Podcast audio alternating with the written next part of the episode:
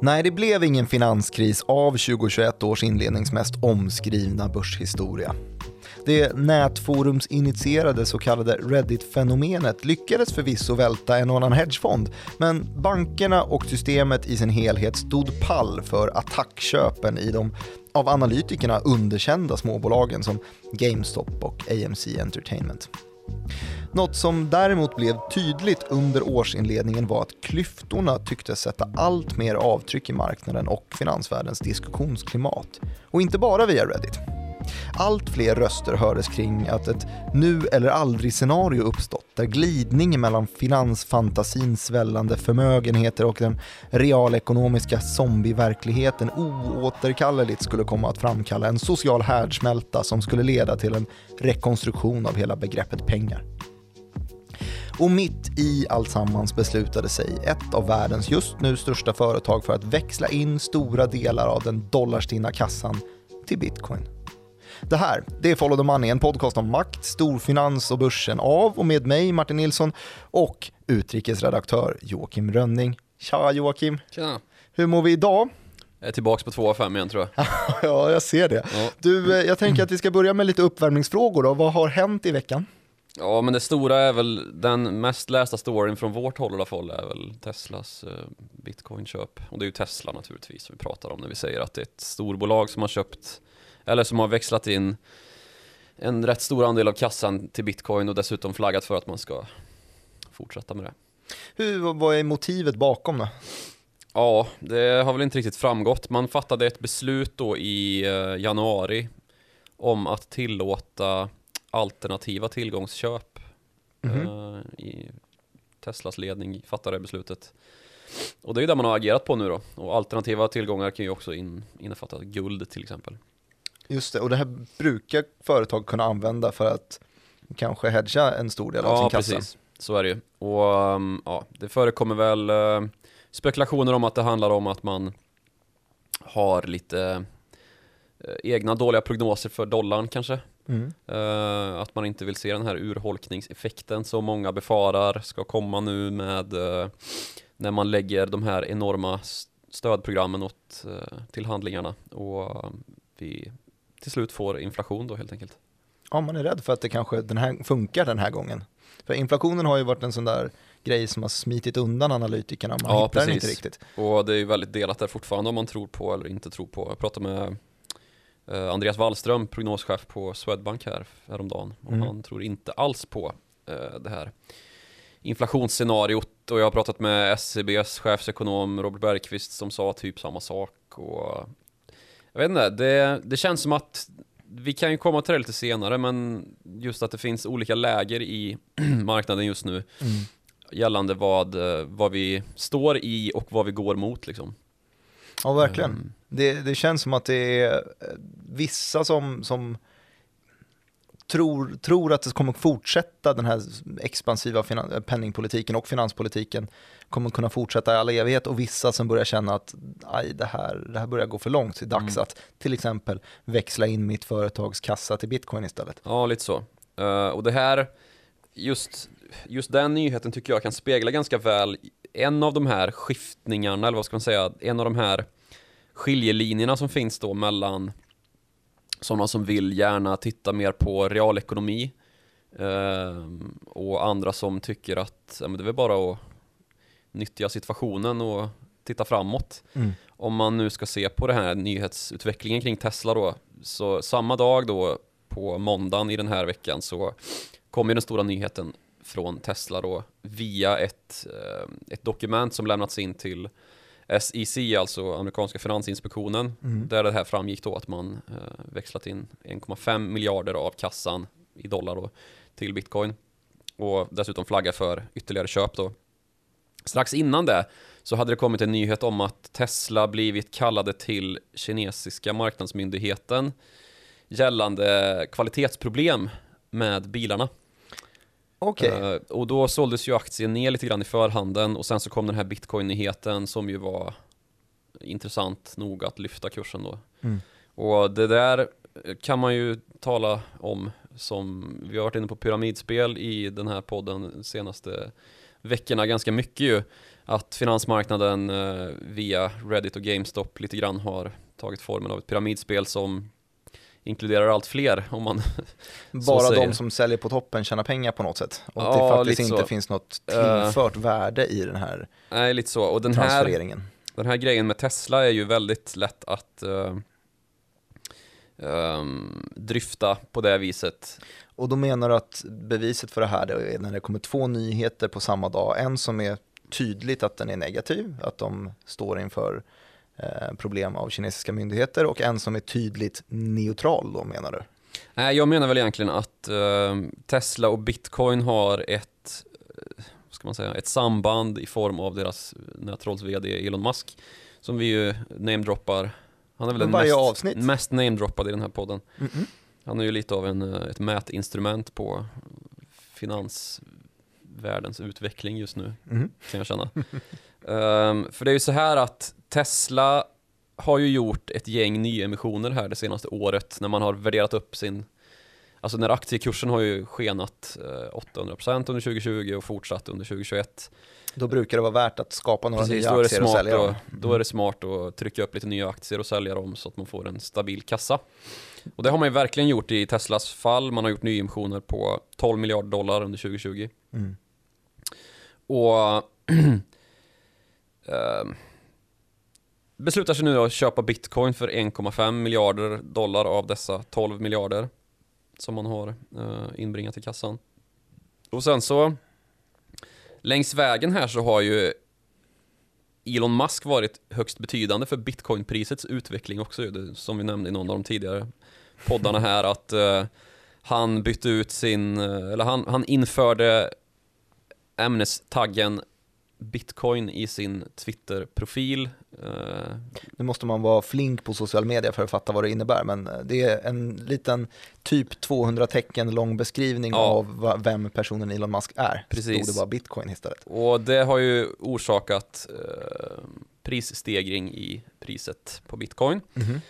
Och ja, han har 46 miljoner följare så det kan man väl kanske förklara därigenom. Och den här grejen med att Tesla ska göra om en del av sin balansräkning till bitcoin är ju någonting som han har diskuterat då på Twitter med någon följare som har föreslagit det här. Så det har ju liksom varit på tapeten ett tag. Sen så är det väl, har det inte framkommit för Tesla kommunicerar ju liksom inte som många andra bolag via en pressavdelning särskilt mycket. Utan det mesta framkommer i de här SEC-dokumenten då som lämnas in till amerikanska finansinspektionen.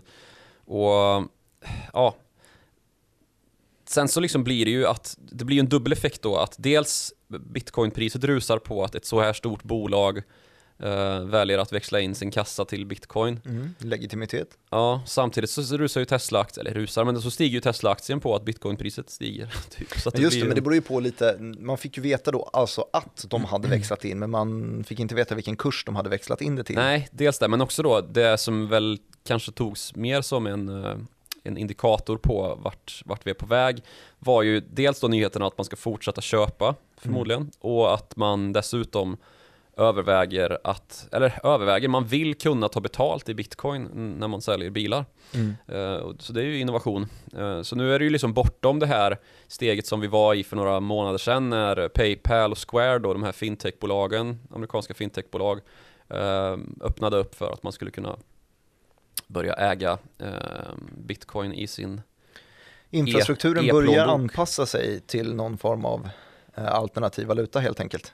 Ja, eller vad ska man säga? Börjar anpassa sig, börjar eh, fatta ett verkligt intresse för den här tillgången som ju eh, boomer-ekonomer har ansett vara liksom en, ja, en skadlig tillgång bara som är rent spekulativ. Där sätter du ju fingret på klyftan också som vi Ja. nämnde här i inledningen lite grann. Jo, det gör ju verkligen det. Ehm, så det är ju en intressant händelseutveckling.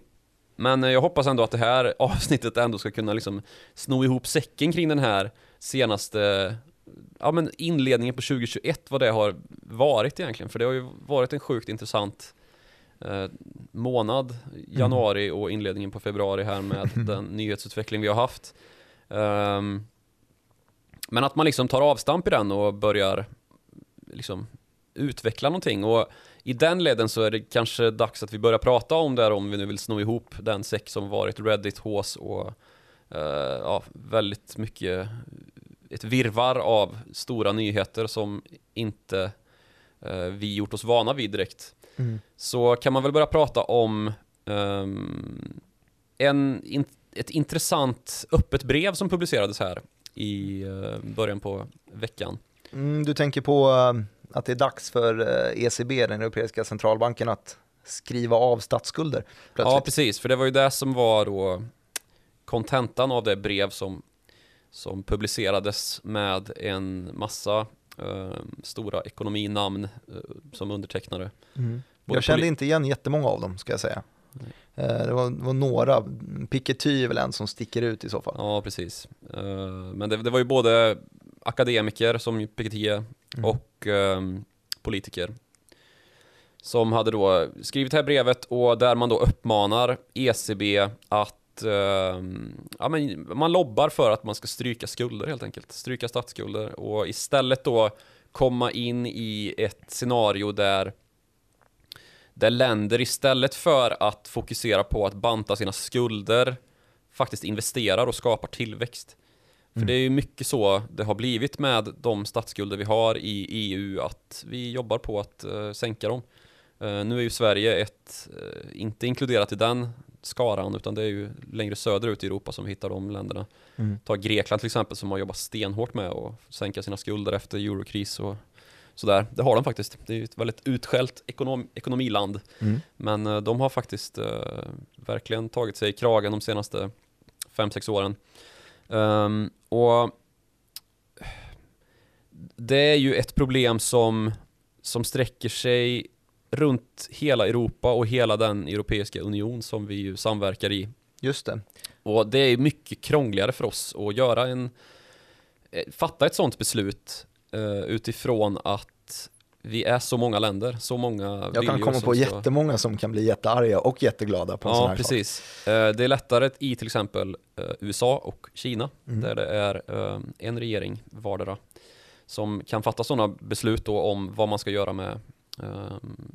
Men oavsett om det sker nu eller inte, vilket, ja det här är liksom en första en första någorlunda auktoritär eller någorlunda legitim entitet som gör ett sånt här förslag då helt ja. enkelt att man ska eh, stryka statsskulderna. Och det, går, det rimmar ju lite i samma typ av linje som vi har sett förut, just det här med att man kanske ska hjälpas åt, finanspolitiken och penningpolitiken, för där har det ju inte hjälpts åt särskilt mycket tidigare. Mm. Och då handlar det då om att eh, Europeiska centralbanken som har då eh, köpt upp en jäkla massa statspapper från de olika staterna, att de ska låta dem samla ihop dem i ett, eh, i ett lån som ska löpa till nollränta i all, i all ja, evighet eller bara stryka den. Eller bara stryka det för att det är ju typ samma sak. Men då ska vi också, för jag, jag sa ju precis här att jag inte har stenkoll på de här. Det, de skriver i brevet här att det är en opinion piece som är, piece som är signed av hundra stycken olika politiker, ekonomer, kampanjer och så vidare. Mm. Och så mm. lyfter de upp Thomas Piketty. Piketty är ju, han har ju tagit en sån här um, lite, ja men extremist, han vill gärna synas i alla fall. Ja, han har, ja precis, han har ju lyfts fram som i alla fall ena sidan av um vad ska man säga, åsiktskorridorens liksom, största i vår generation ju. Mm. Uh, och, och därigenom då blivit en röst som många lyssnar på och hans uh, böcker är ju storsäljare. Mm. Uh, och ja, han pratar ju om välfärdsfördelning och det är ju mycket det som också vilar under den här polariserade finansmarknaden som vi pratat om de senaste avsnitten vad det gäller just att många är missnöjda med att uh, en, upplevelsen av att Wall Street roffar åt sig, uh, alltså kon konservativa Wall Street roffar åt sig och vägrar släppa in mm. utveckling och vägrar liksom dela med sig av vinster som sker eh, och vinster som tas helt enkelt. Och det finns ett, en grogrund då för um, från de välfärdsklyftor som beskrivs av Piketty just. Sen så blir det ju ofta en sån här, eh, alltså det blir ganska, ganska distanserat och prata om Piketty och hans idéer och välfärdsfördelningskurvor och grafer. Och alltså hans böcker är ju i princip oläsliga för de flesta. Eh, och väldigt tråkiga och också. Man Ja. kan läsa liksom Ja, jag kommer ihåg att jag började, jag köpte den, bläddrade i den från början. Det här kom ju ut då för, jag vet inte om det är nästan tio år sedan Ja, kanske. 2012 eller något sånt. Ja, kapitalet i det 21 århundradet, Mm. heter den va? Eh, bläddrade i den ganska mycket och sen så köpte jag en, en sammanfattning istället. Ja, Jesper Roine skrev en jättebra sammanfattning på den Ja, på och den var ju 120 lättare att suga i sig istället. Ja, precis. Det var det många gjorde. Men eh, det, det, de, det som Thomas Piketty nu skriver under på då är ju eh, att man ska utnyttja investeringar och att eh, hela den här idén då med de stora stödpaket som nu har lämnats ut är ju att man ska komma, komma till, eh, komma, få ordning på liksom sociala och ekologiska problembilder Mm. som vi har i samhället just nu och som vi måste komma till rätta med. Ehm, och det går ju inte om vi då ska försöka stryka ut en massa skulder i EU-länderna samtidigt menar han. Men, men han menar väl också i det här att i den här växande klyftan där de rika blir rikare och de fattiga ja, kanske blir fattigare, relativt fattigare i alla fall, eller åtminstone står still medan de andra får utveckling, eh, skapar ett rejält missnöje som kan leda till Ja, revolutioner, som kan leda till typ att, ja men det är ju Folk- det, ja precis och det är ju där, där någonstans som jag tycker att det går att koppla ihop det här med det så kallade Reddit-fenomenet. Att det finns en upplevd eh, ojämlikhet då eh, mellan det finansiella systemet och den realekonomiska välfärden liksom.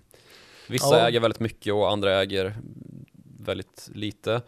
Eh, visst, liksom att... ehm, ja, lite den här grejen då att, att centralbankerna har räddat finansmarknaden men inte räddat uh, realekonomin riktigt. Och det kan man ju verkligen... Alltså det finns ju en väldigt stor missuppfattning där kring... Har vi... Alltså att många tittar på börsen då och tänker ja men det här gick ju bra. Mm. Eh, coronavirus var ju ingen- var en baggis ju. Mm. Men det som man tar miste på då är ju att det vi har tillfört systemet är ju likviditet, inte soliditet. Att det finns liksom en väldigt spridd um, feltolkning av vad som har, vad de här pengarna har bidragit med egentligen. Och att det som skiljer likviditet och soliditet är ju att eh, soliditeten är ju det som gör att ett bolag är bärkraftigt egentligen. Likviditeten är ju det som kan hålla det under armarna Mm. och få det att stå och gå. Men om man släpper det, de stödhjulen så, så ska ju soliditeten vara tillräckligt stark då, alltså att man tjänar pengar på riktigt.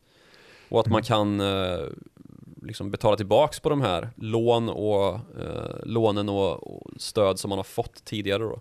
Exakt, man har, man har gett dem stöd genom lägre räntor, genom till exempel amorteringsfrihet eller, eller eh, uppskov eh, av diverse grejer eh, mot att de ska överleva en tuff period. Men sen så är ju tanken då att de ska kunna behålla personal som ska skapa mer. Det är liksom för att bygga en realekonomi så krävs ju då att realekonomin växer i sig, annars finns det ju ingenting att bilda det här fundamentet på. Nej, precis. Eh, Och då får man, men det verkar man inte, den kopplingen verkar man inte riktigt ha. Man har tänkt som Nej, den är vår inte tillräckligt, jag tycker justitieminister inte att den är någonting. tillräckligt spridd i alla fall. Mm. Eh, för det, det, och det är ju det enda det pratas om egentligen när det kommer till börsvärderingar. Uh, alltså, jag såg någon, eh, en väldigt rolig tweet häromdagen. Uh, jag vet inte om det var, den var, jag hoppas den var ironisk. Jag såg inte vem som hade gjort den, jag såg bara bilden och att den var väldigt rolig. Eh, Mm. det var någon då som hade tagit fasta på ett, ett uttalande som Warren Buffett hade gjort eh, om bitcoin. Mhm. Och bitcoin har ju då efter Teslas köp här handlats upp till rekordnivåer på 48 000 dollar. Mm. Eh, från att ha hovrat kring, vad var det i somras? Någonstans, eller ja, i våras var det väl kring. Väldigt mycket lägre. Ja, jag letade i Ja, minnet vad det kan ha legat inte på ens egentligen. Då var det inte ens på 10 000 dollar liksom. Nej. Ehm, och ehm, där, därifrån alltså har det ju handlats upp extremt eh, mycket. Mm. Och 48 000 dollar nu efter Tesla och då uttalade sig Warren Buffett och så sa han att eh, de här kryptovalutorna är ett gissel som eh, de, kan bli, de kan bli värda noll när som helst typ, sa han. Mm. Och då var det någon som hade länkat till den här intervjun och skrivit Um, ja, vad fan har han skrivit? Ja, nu tappar du ju punchlinen. Ja. Uh, jag kan i alla fall fylla i med... Men nej, så stay poor boomer eller Till Warren Buffett? Ja, precis. Och ja, det kan jag väl ringa in lite grann. Ja, men han, han, är, han är ju i alla fall en, en boomer i alla fall. Ja, det, det, det kan han ju få, men, men, att han ska stay poor, ja, det är boomer, lite Han är väl nästan för gammal för att vara boomer. Ja, det är sant. Uh, Bitcoin var nere på en liten botten kring 5 5 500 ungefär i eh, coronabotten i mars, ja. uh, såg jag. Under 10 i alla fall. Ja, bra och nu eh, ja, handlas kring över 45. Ja, eh, men det är ju Ja, det är ju där, där, det är där, i den uh, retoriken vi rör oss, eller retoriken, i, den, i det diskussionsklimatet vi rör oss nu. Uh, väldigt många som har väldigt mycket att säga om uh, allt. Och den här realekonomerna versus uh, fantasiekonomerna, mm. schismen är ju väldigt uppenbar tycker jag. och det finns ju då samtidigt en, samtidigt med Piketty och den här uh, önskan om att man ska stryka ut skulder mm. så finns det ju en fråga som man bör ställa då och det är ju kan man ens göra det? Ja, det, det borde man väl kanske ställa, men... Uh... Vill inte, du vill inte svara på det? Ja, jo, jag, jag, skulle kunna, jag skulle kunna vilja svara på det, men jag tror att jag vet vad, vad du vill komma med det här, hela grejen. Om det, fun- om det är lagligt att, att göra sådana omställningar eller, eller ja, inte. För det finns ju en annan grej som inte var laglig. Jaha, vadå? Quantitative easing. Ja, min lilla baby där ja. Ja, så den, den babyn tänkte jag lämna över till dig, varsågod. ja, men de kvantitativa lättnaderna var ju en, eh, ja men i extrema tider så krävs det extrema åtgärder och då kan man helt enkelt eh, glida runt lagar för att se till att de monetära policyerna kan täcka och rädda upp företag. Och då, när man då lider, är mitt i en kris som efter en, efter en finanskris och under en pågående europeisk skuldkris när man kanske behövde elda på lite extra, då kan man förbigå regler och justera system och det är lite så de finansiella systemen har utvecklats. Man har alltid behövt testa nya saker för, för att komma fram till nya saker. Ja. Det var en konstig koppling, ja. men regler är till för att brytas på något sätt, eh, har det visat sig i det finansiella systemet i alla fall. Så att som du säger med kvantitativa lättnader, när Draghi införde det, då hade ju redan eh, Fed gjort det förvisso, eh, men mm. när han införde det så då fick man ju inte göra det, utan då var det ju helt enkelt, hörni vi måste göra det här, vi måste bryta, ändra på den här lagen för att kunna få, få in det här systemet och kvantitativa lättnader, det var när räntorna var så pass låga, man kunde inte sänka dem längre för man var rädd för den här eh, artificiella botten vid nollränta, man vill inte gå lägre än så, så då började man försöka hitta andra sätt att stimulera ekonomin på och då tryckte man upp pengar och köpte, eh, köpte statsobligationer för det egentligen. Och det fick man ju inte göra från början men man justerade lagarna så att man kunde göra det. Mm. Eh, och det tänker du är eh, grunden till vad Piketty vill göra med att skriva av skulder. Det får man inte göra idag men Ja, han skriver till och med det. Och han tar upp just eh, Mario Draghi som ett lysande exempel på det. Att QE var ju olagligt, men det var det inte sen. Mm. Um, och en intressant aspekt av att han tar upp just Draghi tycker jag är att samma vecka som, som, eh, som det här brevet publiceras och får en del uppmärksamhet så är Mario Draghi på väg att bli uh, Italiens premiärminister. Det är också att bana väg för att det blir mer kommunikation mellan mm. centralbank och stat. Precis, och um, det är bara några veckor sedan vi svor in Janet Yellen, alltså den tidigare Federal Reserve-ordföranden, som finansminister i USA. Så den här rörelsen tycker jag är ganska, den tål att talas om en hel del alltså. Mm. Uh, och den här idén då, det är inget, det är liksom inte en rät linje mellan att, ja men de, den händelseutvecklingen då att eh, centralbankschefer blir politiker eh, och modern monetary theory, men det går åt det hållet också. Vi har, vi har pratat om modern monetary theory eh, tidigare med, med Stephanie Kelton som seglade upp som, eh, ja men var lite het här under corona när stimulanserna haglade egentligen mm. och man hela tiden tittade på hur mycket mer stimulanser, hur många, mycket mer finanspolitiska stimulanser kan vi egentligen ge eh, utan att överstiga våra skuldberg som vi redan har var frågan. Och det var då Stephanie Kelton såg ett läge i debattklimatet att säga, hörni, hela det här med att man har ett eh, för stor skuld, det är, en, det är en myt. Det är ett artificiellt påhitt. Man kan ha hur hög skuld som möjligt. Vi kan ju bara stryka av det sen om vi, om vi vill. Hur hög skuld som möjligt ska man ha. ja, ja, ord är svårt, men du förstod vad jag, Jag menade i det hela. Ehm, och Det ja, men debattklimatet var ju perfekt för det. Och, och det är Mm. väl samma typ av debatt, debattklimat vi ligger i just nu också. När Draghi blir, blir premiärminister, när Yellen ehm, blir finansminister och när Piketty säger centralbanken ska skriva av statliga skulder. Ja, men någonting som jag tycker skiljer den här eran som vi står mitt uppe i nu och tidigare eror av häftiga liksom, vad ska man säga? Um, ja, alltså där vi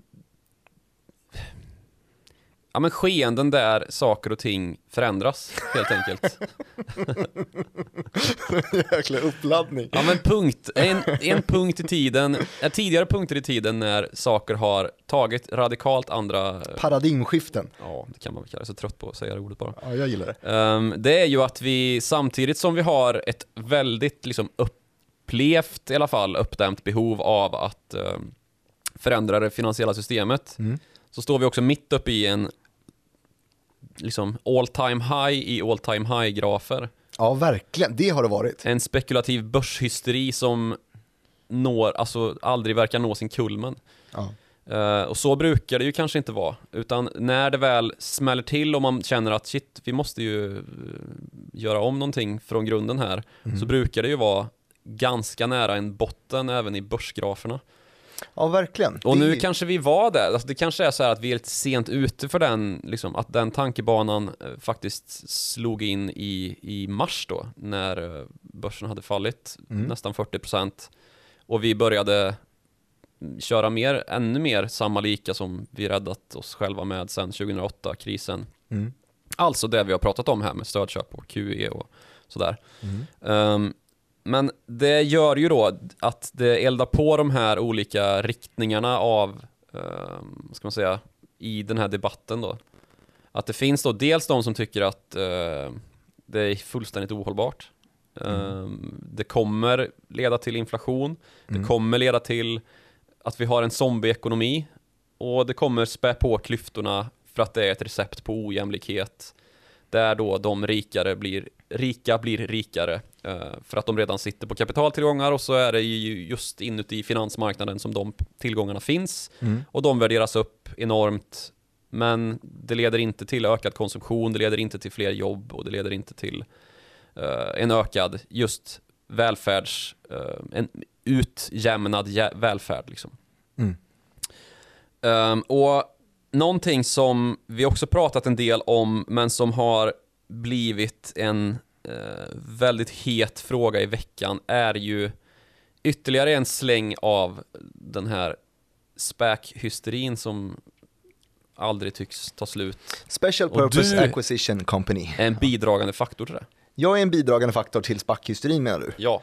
Ja, det var faktiskt titeln på mitt eh, Trading Direkt-avsnitt idag så hade jag SPAC. Jag lyfte Mm. upp det högst upp i rubriken på um, YouTube-avsnittet. Man kan gå in på Direkt Studios och kolla om man vill på YouTube.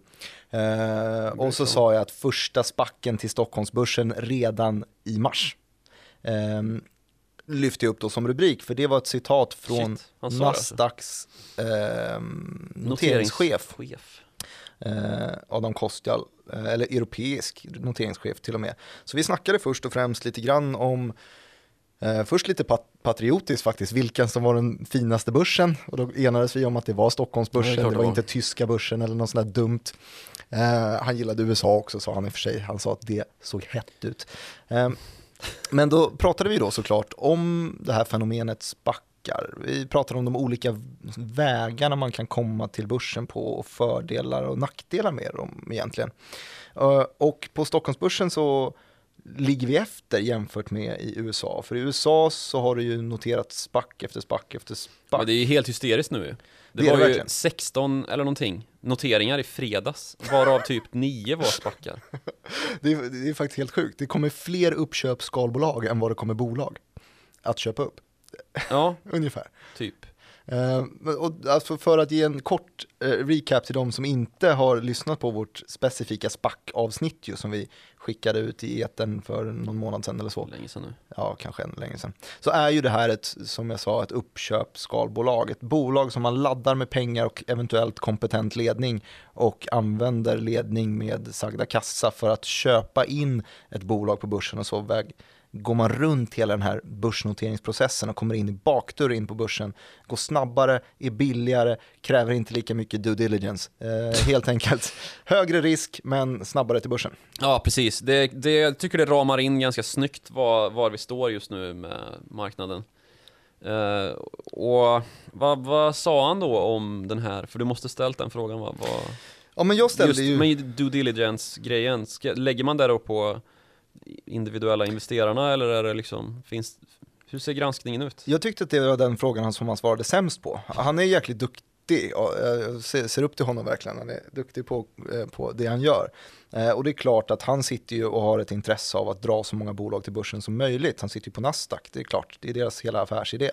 Men på just, jag formulerade frågan som vad de omedelbara riskerna med SPAC backar gentemot klass, klassiska traditionella börsnoteringar var ur investerarens ögon eh, och frågade eh, behöver man som investerare läsa på ett SPAC-prospekt mer noggrant än ett vanligt IPO-prospekt? Och då sa han väl i runda slänga ja, det behöver du. Men mm. ramade in det med att jag tycker att man borde läsa på allting extra, extra noga. Man ska exakt veta vad man ger sig in på och så vidare. Men det är klart alltså. att, ja det var lite bäst. Men det är också en svår puck för dem såklart. Ja visst, han kanske är fel person att fråga om det.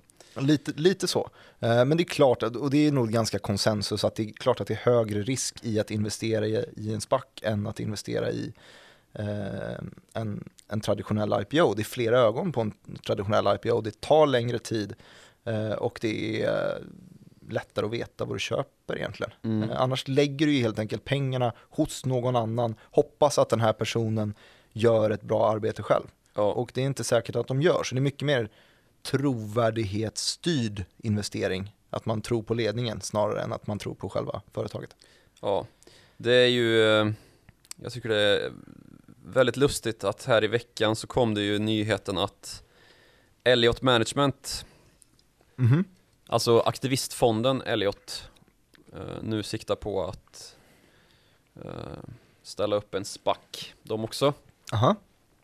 Och det är ju, alltså aktivistfonder är ju då en, en verksamhet där man letar upp bolag som inte riktigt klarar av att tjäna pengar själva. Mm. Och så gör man intrång i styrelsen, alltså man tar en position och man köper aktier i bolaget och sen så propsar man på att få lite styrelseposter och så ställer man om verksamheten och säljer av med vinst. Mm. Uh, nu ska alltså det här, den här aktivistfonden alltså agera för att ta en, en liksom då, ett dåligt bolag till börsen Ja, det rimmar helt fel med deras affärsidé. De är ju... Vad ska de göra sen? Ja, exakt. De är ju styrelseproffs som är experter på att styra rätt ett redande skepp i rullning, ja. Eh, eller vad man säger. Eh, men nu ska de istället eh, sätta en ledning som ska köpa in ett bolag Ska det då redan vara bra eller ska det vara dåligt och bli bättre? Ja, det, det ställer mycket frågor i alla fall om ja, Elliot Capital kommer det, lösa det. Det är ju bara en av alla som har ja, eller det, jag tror inte att det är bekräftat än, men det var, det var ganska så uh, anrika medier som rapporterade om det här. Mm. Uh, och det brukar stämma. Men det, det är ju, alla har ju SPAC-drömmar nu. Det är ju löjligt. Jag, det var John Kramer på CNBC, Mad Money kallad. -huh. Han är väl deras liksom, kommentator som sitter i nyhetssändningarna. Mm. Han kallade det väl för liksom en uh, att, att det börjar bli lite så här, de superrikas liksom, leksak att ägna sig åt spackar. Mm. Um, att, att liksom de superrika som inte har en, en spack än uh, har den nog snart. Men det här var uh, noteringschefen på Nasdaq då pratade väldigt mycket om att det sätter väldigt mycket ehm, press på personerna bakom spacken. Eh, för att misslyckas du med en SPAC, köper in ett dåligt bolag eller eh, betalar för mycket eller, eller vad som helst så, så kommer ju ingen vilja investera i din SPAC igen. Nej, precis. Men också då att då har man, det är ju det som är själva, det är ju liksom det man skriver under på när man, när man börsnoterar en SPAC är ju att du ska ha, du har två år på dig, Mm. 24 månader. Så det här, vi har ju inte sett, i och med att den här enorma håsen har varit nu med liksom hundratals spackar upp på, på de amerikanska börslistorna helt plötsligt, så kommer vi ju se konsekvenserna av det först om typ två år, eller ett och ett halvt år i alla fall. Just när de här börjar när det börjar falla av. Ja, att, precis, nej, då- vi hittar inget prospekt. Då är man ju eller- skyldig som SPAC-uppförare Mm. att betala tillbaks till alla de här ägarna. Eller snabbt som fan hitta ett skitprojekt Ja. och köpa. Det är ju där vi landar någonstans. Och ja, det är ju en eh, rätt förpestande utveckling kan jag tycka. Men hörru, kan vi inte hurra lite grann för ehm, blankarna en gång? Självklart. Eh, för visst har väl Zeppelinan varit där? Precis, det är ju kanske den, det är väl den SPAC-historia som jag har skrivit mest om. Jag är så oerhört trött på det här nu. Eh, så det är väl det jag har skrivit mest om den här veckan. Eh, att Hindenburg Research, som vi alla minns, Mm, Nikola avslöjar. Precis. Eh, Nikola-avslöjaren, alltså Hindenburg uppkallat efter vätgasseppelinaren Hindenburg, Mhm. som ju var ett projekt av mänsklig hand som hade kunnat förhindras, eh, en katastrof som hade kunnat förhindras hindras av mänsklig hjärna, men som inte riktigt, de, de två möttes inte riktigt. Mm. Eftersom att om man skickar upp en vätgasballong som är typ världens mest, eh, alltså väte är ju världens mest explosiva ämne Mhm. ehm, och tänker att det här värmer vi upp och Men inte värma upp för mycket. ja men och, och, så det var ju dumt tänkt från början då. Och då visade det sig ju sen att eh, Hindenburg då som tar, Hindenburg Research, blankningsspecialisten som tar namn efter zeppelinaren ehm, och den kända olyckan med den här eh, tankebanan Mm. bakom sig Som blev eldklot. Ja, kommer att, eh, ja precis för det exploderade ju och Exakt. flera hundra som dog typ. Ja, då kommer ju de att fälla vätgaslastbilsutvecklaren Nikola. Det är ju väldigt lustigt. Mm. Ehm, och Hindenburg Research, de skrev ju en blankningsrapport på Nikola och de har ju fortsatt med det trots då de senaste avsnittens eh, eh, diskussioner om vart blankningsindustrin är på väg nu med när man har fått lite grus i maskineriet eller käppar i hjulen om man så vill vad det gäller de här helt aviga attackköpen från Reddit-användare och nätforumsorganiserade eh, handlare. Så kom det ut en ny rapport här i veckan.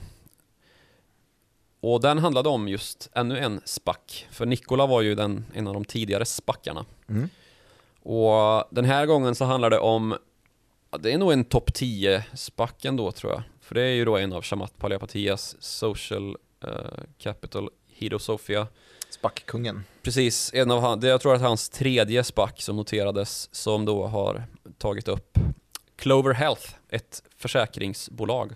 Okej. Som ett hälsovårdsförsäkringsbolag då i USA så är det väldigt stort med hälsovårdsförsäkringar. Ehm, och de har då gått till börsen utan att informera marknaden om att det pågår en utredning mot Clover Health och deras affärsmodell, deras ehm, hur man har kommunicerat med marknaden i både i form av eh, liksom vanlig kommunikation och i fråga om eh, transparens då gällande marknadsföring och sånt som är ganska viktigt i just försäkringssammanhang, särskilt vad det gäller Så de- sjukvård. lyckas gå till börsen med en pågående utredning. Mm, precis, i ryggen. Och det här är dessutom en utredning som är någon typ av fördjupning av tidigare problematisk, eh, alltså att man har blivit, man har blivit bötfälld för liknande beteende tidigare. Mm.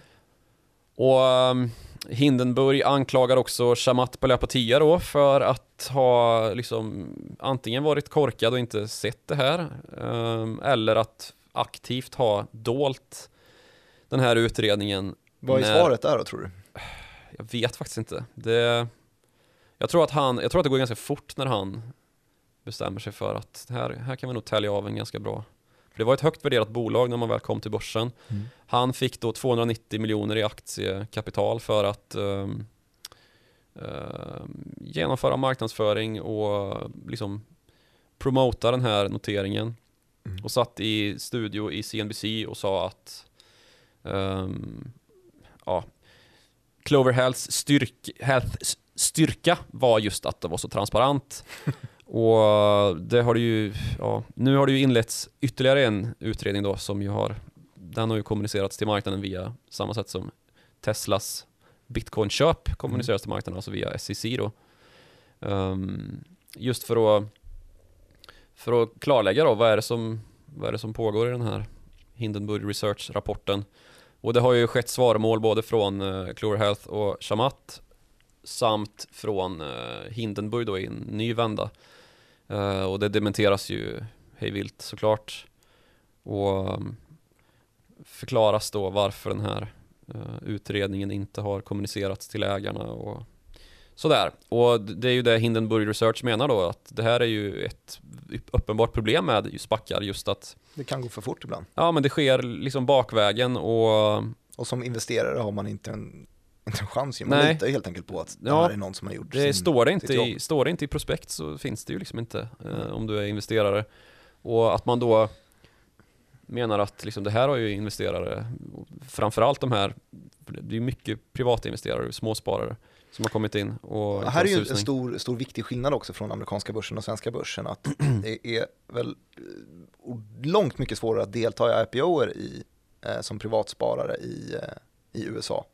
Eh, varför man istället då kan göra det via att investera i spackar. För det blir ju på något sätt att man får ta del Ja, i, det i blir det. IPOer. Mm. Ehm, så att där har spackarna verkligen fyllt ett syfte. Men om man lägger det här då emot hur det ser ut på Stockholmsbörsen istället så är vi ju, vi IPO-gudar på något sätt. Vi gör ju Mm. hur mycket börsnoteringar som helst och, och det är ju hur lätt som helst att delta i dem. Vi hade möjligtvis lite problem med att man inte kunde delta via ISK, eh, via vissa konton och så vidare, utan man var tvungen att ha en kapitalförsäkring. Men som håller på att överbryggas i alla fall. Mm. Men jag ser inte riktigt syftet för spackarna på Stockholmsbörsen på samma sätt. Eh, Nej, av just den anledningen är, så är det ju eh, lite problematiskt kan jag tycka. så är det ju faktiskt. Eh, men, men, men då gissar jag att eh, det, det blev alltså aktiekursslakt i Clover Health. Det då. det. Eh, Nu tror jag de har klättrat tillbaka lite grann eftersom att eh, det, brukar, det brukar se ut så att först så kommer rapporten och då säljs det av ganska friskt. Den brukar komma i, innan eh, börsen har öppnat i USA då, så att det Mm. säljs av ganska friskt från, eh, eh, från början. Mm, Ehm, och sen så kommer dementin just det. och sen så kommer mothugget. Och Uh, mothugget så går det upp lite sen. ja men alltså dementin då från, från Clover Health kom och Ah, så då handlades den upp lite dagen efter. Och sen så vet jag inte hur det har gått nu faktiskt. Ehm, för den här rapporten kom väl typ i torsdags eller någonting. Mm. Jag tycker det var, det var ju spännande, det är verkligen kul när man får, man fick ju en teaser av Hindenburg innan. De Mm. skickade ut på Twitter att imorgon, Ja. då jäklar, Just det, då det ska, är vi, nice. då ska vi smälla på någon. Eh, och så får vi se, så blev det Ja. Clover Health den här gången. Ja, men det var, det var, jag läste igenom hela den här rapporten faktiskt och den är ju väldigt klarläggande för hur, hur det kan funka och vad man kan komma undan det med. trögare att ta sig igenom en piketys?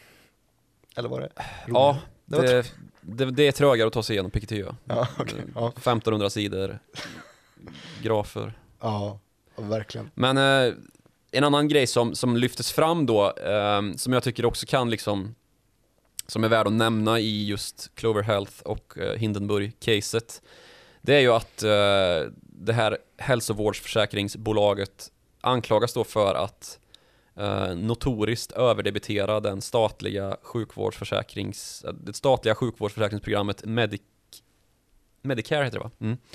Och ehm, att Hindenburg Research då drar slutsatsen att nu har man redan eh, statliga åklagares ögon på sig. Vi har hittat då, efter tre månaders undersökning, att bolaget ägnar sig åt notorisk överdebitering av, läk- av eh, sjukvårdsförsäkringen då åt, Mm. eh, åt patienter som använder sig av um, Clover Healths och via sin läkare då, det här hälsosystemet, en mjukvara egentligen. Mm. Och om det här kommer fram på samma sätt som vi har konstaterat det i utredningar hos eh, Department of Justice i USA, så då är det ju ett existentiellt hot mot det här bolaget. Och det har inte kommit fram till småsparare liksom.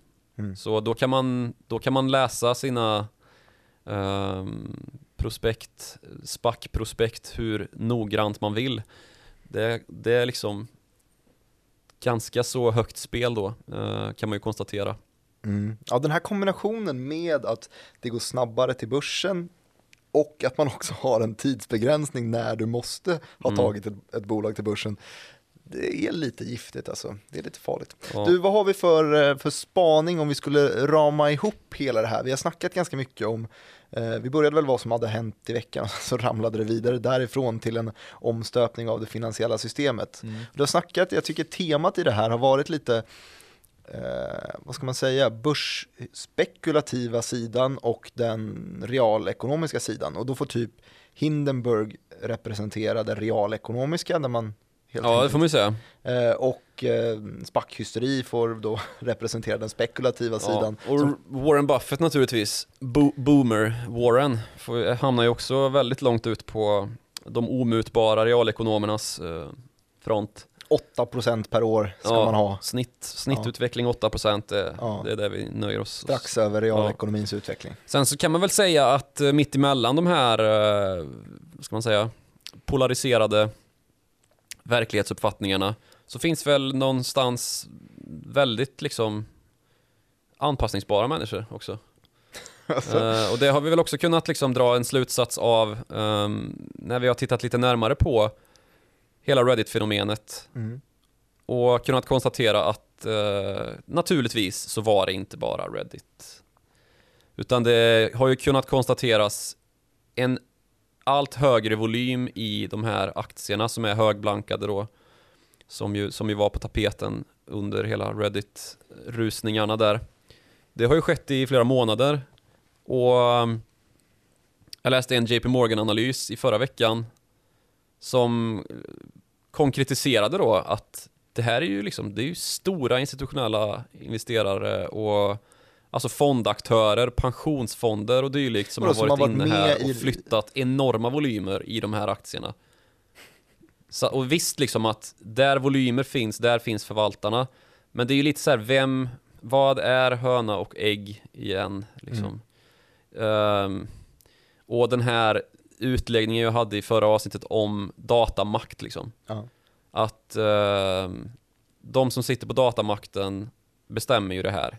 Eh, och datamakten kanske inte fanns hos Reddit-användarna själva liksom, utan att de var faktiskt en del av datan. Med bara. datamakten, vad menar du då? Ja men att, att eh, de som har köpt sig möjligheten att analysera data kan ju se var någonstans en intäktsström kanske kan uppstå i form av då att ja men nu har vi en rörelse här på, på Reddit som har växt från några tiotusental till någon miljon på eh, några, några veckor, någon månad. Och det pratas väldigt mycket om de här aktierna. Vi tar spekulativa positioner här. Och det här är högblankade aktier, det är den här rörelsen som... som Ja, man får tänka på att de har extremt mycket kapital och de jobbar med det dygnet runt. De, det är ju liksom deras jobb att försöka leta upp sådana här ja, möjligheter att tjäna pengar. Så det är och, inget superkonstigt egentligen. nej. Och den här, ehm, liksom de här redogörelserna som nu börjar komma ut är ju liksom, ja det är ganska, vad ska man säga, tillnyktrande på något vis. Mm. Att det, det nog inte var så värst uh, forumslätt ändå. Utan det är som alltid att det är små, småsparare som har bränt sig. Mm. Och vi sa väl också i något av de tidigare avsnitten här att det varit ett jävla surr och ehm, att det har varit uppenbart att det har varit väldigt många ovana investerare som har plötsligt liksom ehm, börjat röra sig i ja, men både mejlledes och i kommentarsfält runt våra klipp och program Mm. och um, att, ja men sociala medier inte minst liksom. Men att det surret har ju avtagit något väsentligt alltså den här veckan. Ja, men det När, har det har, när proppen har gått ur då och Eh, Men det sorgliga i det hela är att det är fortfarande knappt 30 000 aktieägare på, på Avanza som äger GameStop till exempel. Mm. Som då sitter i den där, Snegungan. ja det där är ju en traditionell Ja, snegunga. Det är fan fruktansvärt att det, att det alltid blir så. Det är så fantasilöst och Förutsägbart. evil att det blir så. Ja, så att då har vi de, de omutbara eh, Warren Buffett hedgefond-boomersarna Mm. som, som eh, nu sitter och är förbannade, postar grafer på bitcoin och Tesla och säger hallå det här är inte förankrat i verkligheten, Mm. jag vill ha tillbaka mina 8% per år. Eh, vi har de anpassningsbara typ spackkungarna i Shamat Pa- Palpatine, fan, Nej. Palihapatia. tack så mycket. Mm. Vi har Elon Musk där också som är ute och vevar lite om Först är det bitcoin, Ja. sen blir det Dogecoin. Ja, det är ju, eh, Ja. det är faktiskt fruktansvärt. Det är roligt, men Mm. det är, ja, det är ju som jag också sagt tidigare, bilder på hundar. Och Mhm. det är då bilder på hundar som numera, efter att eh, Elon Musk, vilka var det? Gene Simmons också va? Och Va? Snoop Doge såklart. Snoop Dogg. varit ute och håsat det här och gjort den här, eh, du vet Lejonkungen-bilden när han håller upp Simba. Mm. Eh, De håller upp då den här hunden Ja. Eh, och sen så blir det ju då att, i, först var det Elon Musk som höll upp hunden och sen så blir det Elon Musk som håller upp Gene Simmons som håller upp hunden. Sen blir det Elon Musk som håller upp Gene Simmons som håller upp Snoop. Doge som håller Som upp, håller upp. Doge. Ja. Och det här är då en, en bi- bilder på hundar som nu värderas till 9 miljarder dollar. Det är ungefär lika mycket som eh, Nikola faktiskt värderas till. Och det är ju bara bilder på lastbilar. Så då har vi helt enkelt i den här eh, ekonomin så har vi hittat något gemensamt värde. En teckning Mm. kostar, Teckningar kostar 9 miljarder dollar. vare sig det är på vätgaslastbilar eller på hundar. Precis. Eh, och det, de här 9 miljarder dollarna, de som betalar dem i slutänden för bilder på hundar och eh, lastbilar är de eh, stackars missanpassade småsparare som De omutbara, de köper in sig i hypen tre veckor för sent. och Och, de missanpassade. Ja, mörkt. Ja, då har vi pratat om det här. Gud, dina mörka avslut. Ja, men det blir ofta det. Ja. Och de, är, de beror på dig. Det är Eh, mitt fel. Vi har pratat om vad som har hänt i veckan, Tesla, vi har pratat om Piketty, Draghi-gällen och eh, modern penningpolitisk teori och den omstöpningen av det finansiella systemet. Där vi gör spaningen att det verkar som att centralbankerna närmar sig eh, det eh, finanspolitiska och den statliga helt enkelt. Eh, Piketty-artikeln eh, läsvärd tycker jag, så att man har lite koll på var det, var det hamnar någonstans, även om det där är det första utropet av någonting liknande, att man vill skriva av statsskulder. Eh, och sen så snackade vi om det spekulativa börshysterin, vi pratade om spackar och eh, Nasdaqs noteringschef i Europa i alla fall spår att vi får den första Stockholmsbacken i eh, slutet på mars, sa han. Eh, det är ganska snart. Och eh, sen så pratade vi om eh, zeppelinaren Hindenburg som har eh, slaktat eh, Shamats senaste spack, eh, Clover Health. Ehm, och det var sorgligt. Och sen så delade vi upp det här hela i spaningen att det fin- finns ett par olika läger på börsen. De omutbara Warren Buffett, de anpassningsbara spackkungarna och de missanpassade som förlorar pengar på det. Mm. Och de här finns i varje bekantskapskrets. Du behöver inte vara Warren Buffett för att vara en, en, en omutbar realekonom. Det är bara att investera i Investor så blir du Snart det. kommer inflationen. Snart kommer den. Ja, tack så mycket för att ni har hängt med i det här avsnittet. Ni får jättegärna höra av er och då kan man göra det på followthemoney.direkt.se. Man kan också skicka ett, eh, ett DM via Twitter kanske till snabel Joakim Ronning. Eh, och så kan man också skicka till mig själv, jag heter snabel direkt Martin.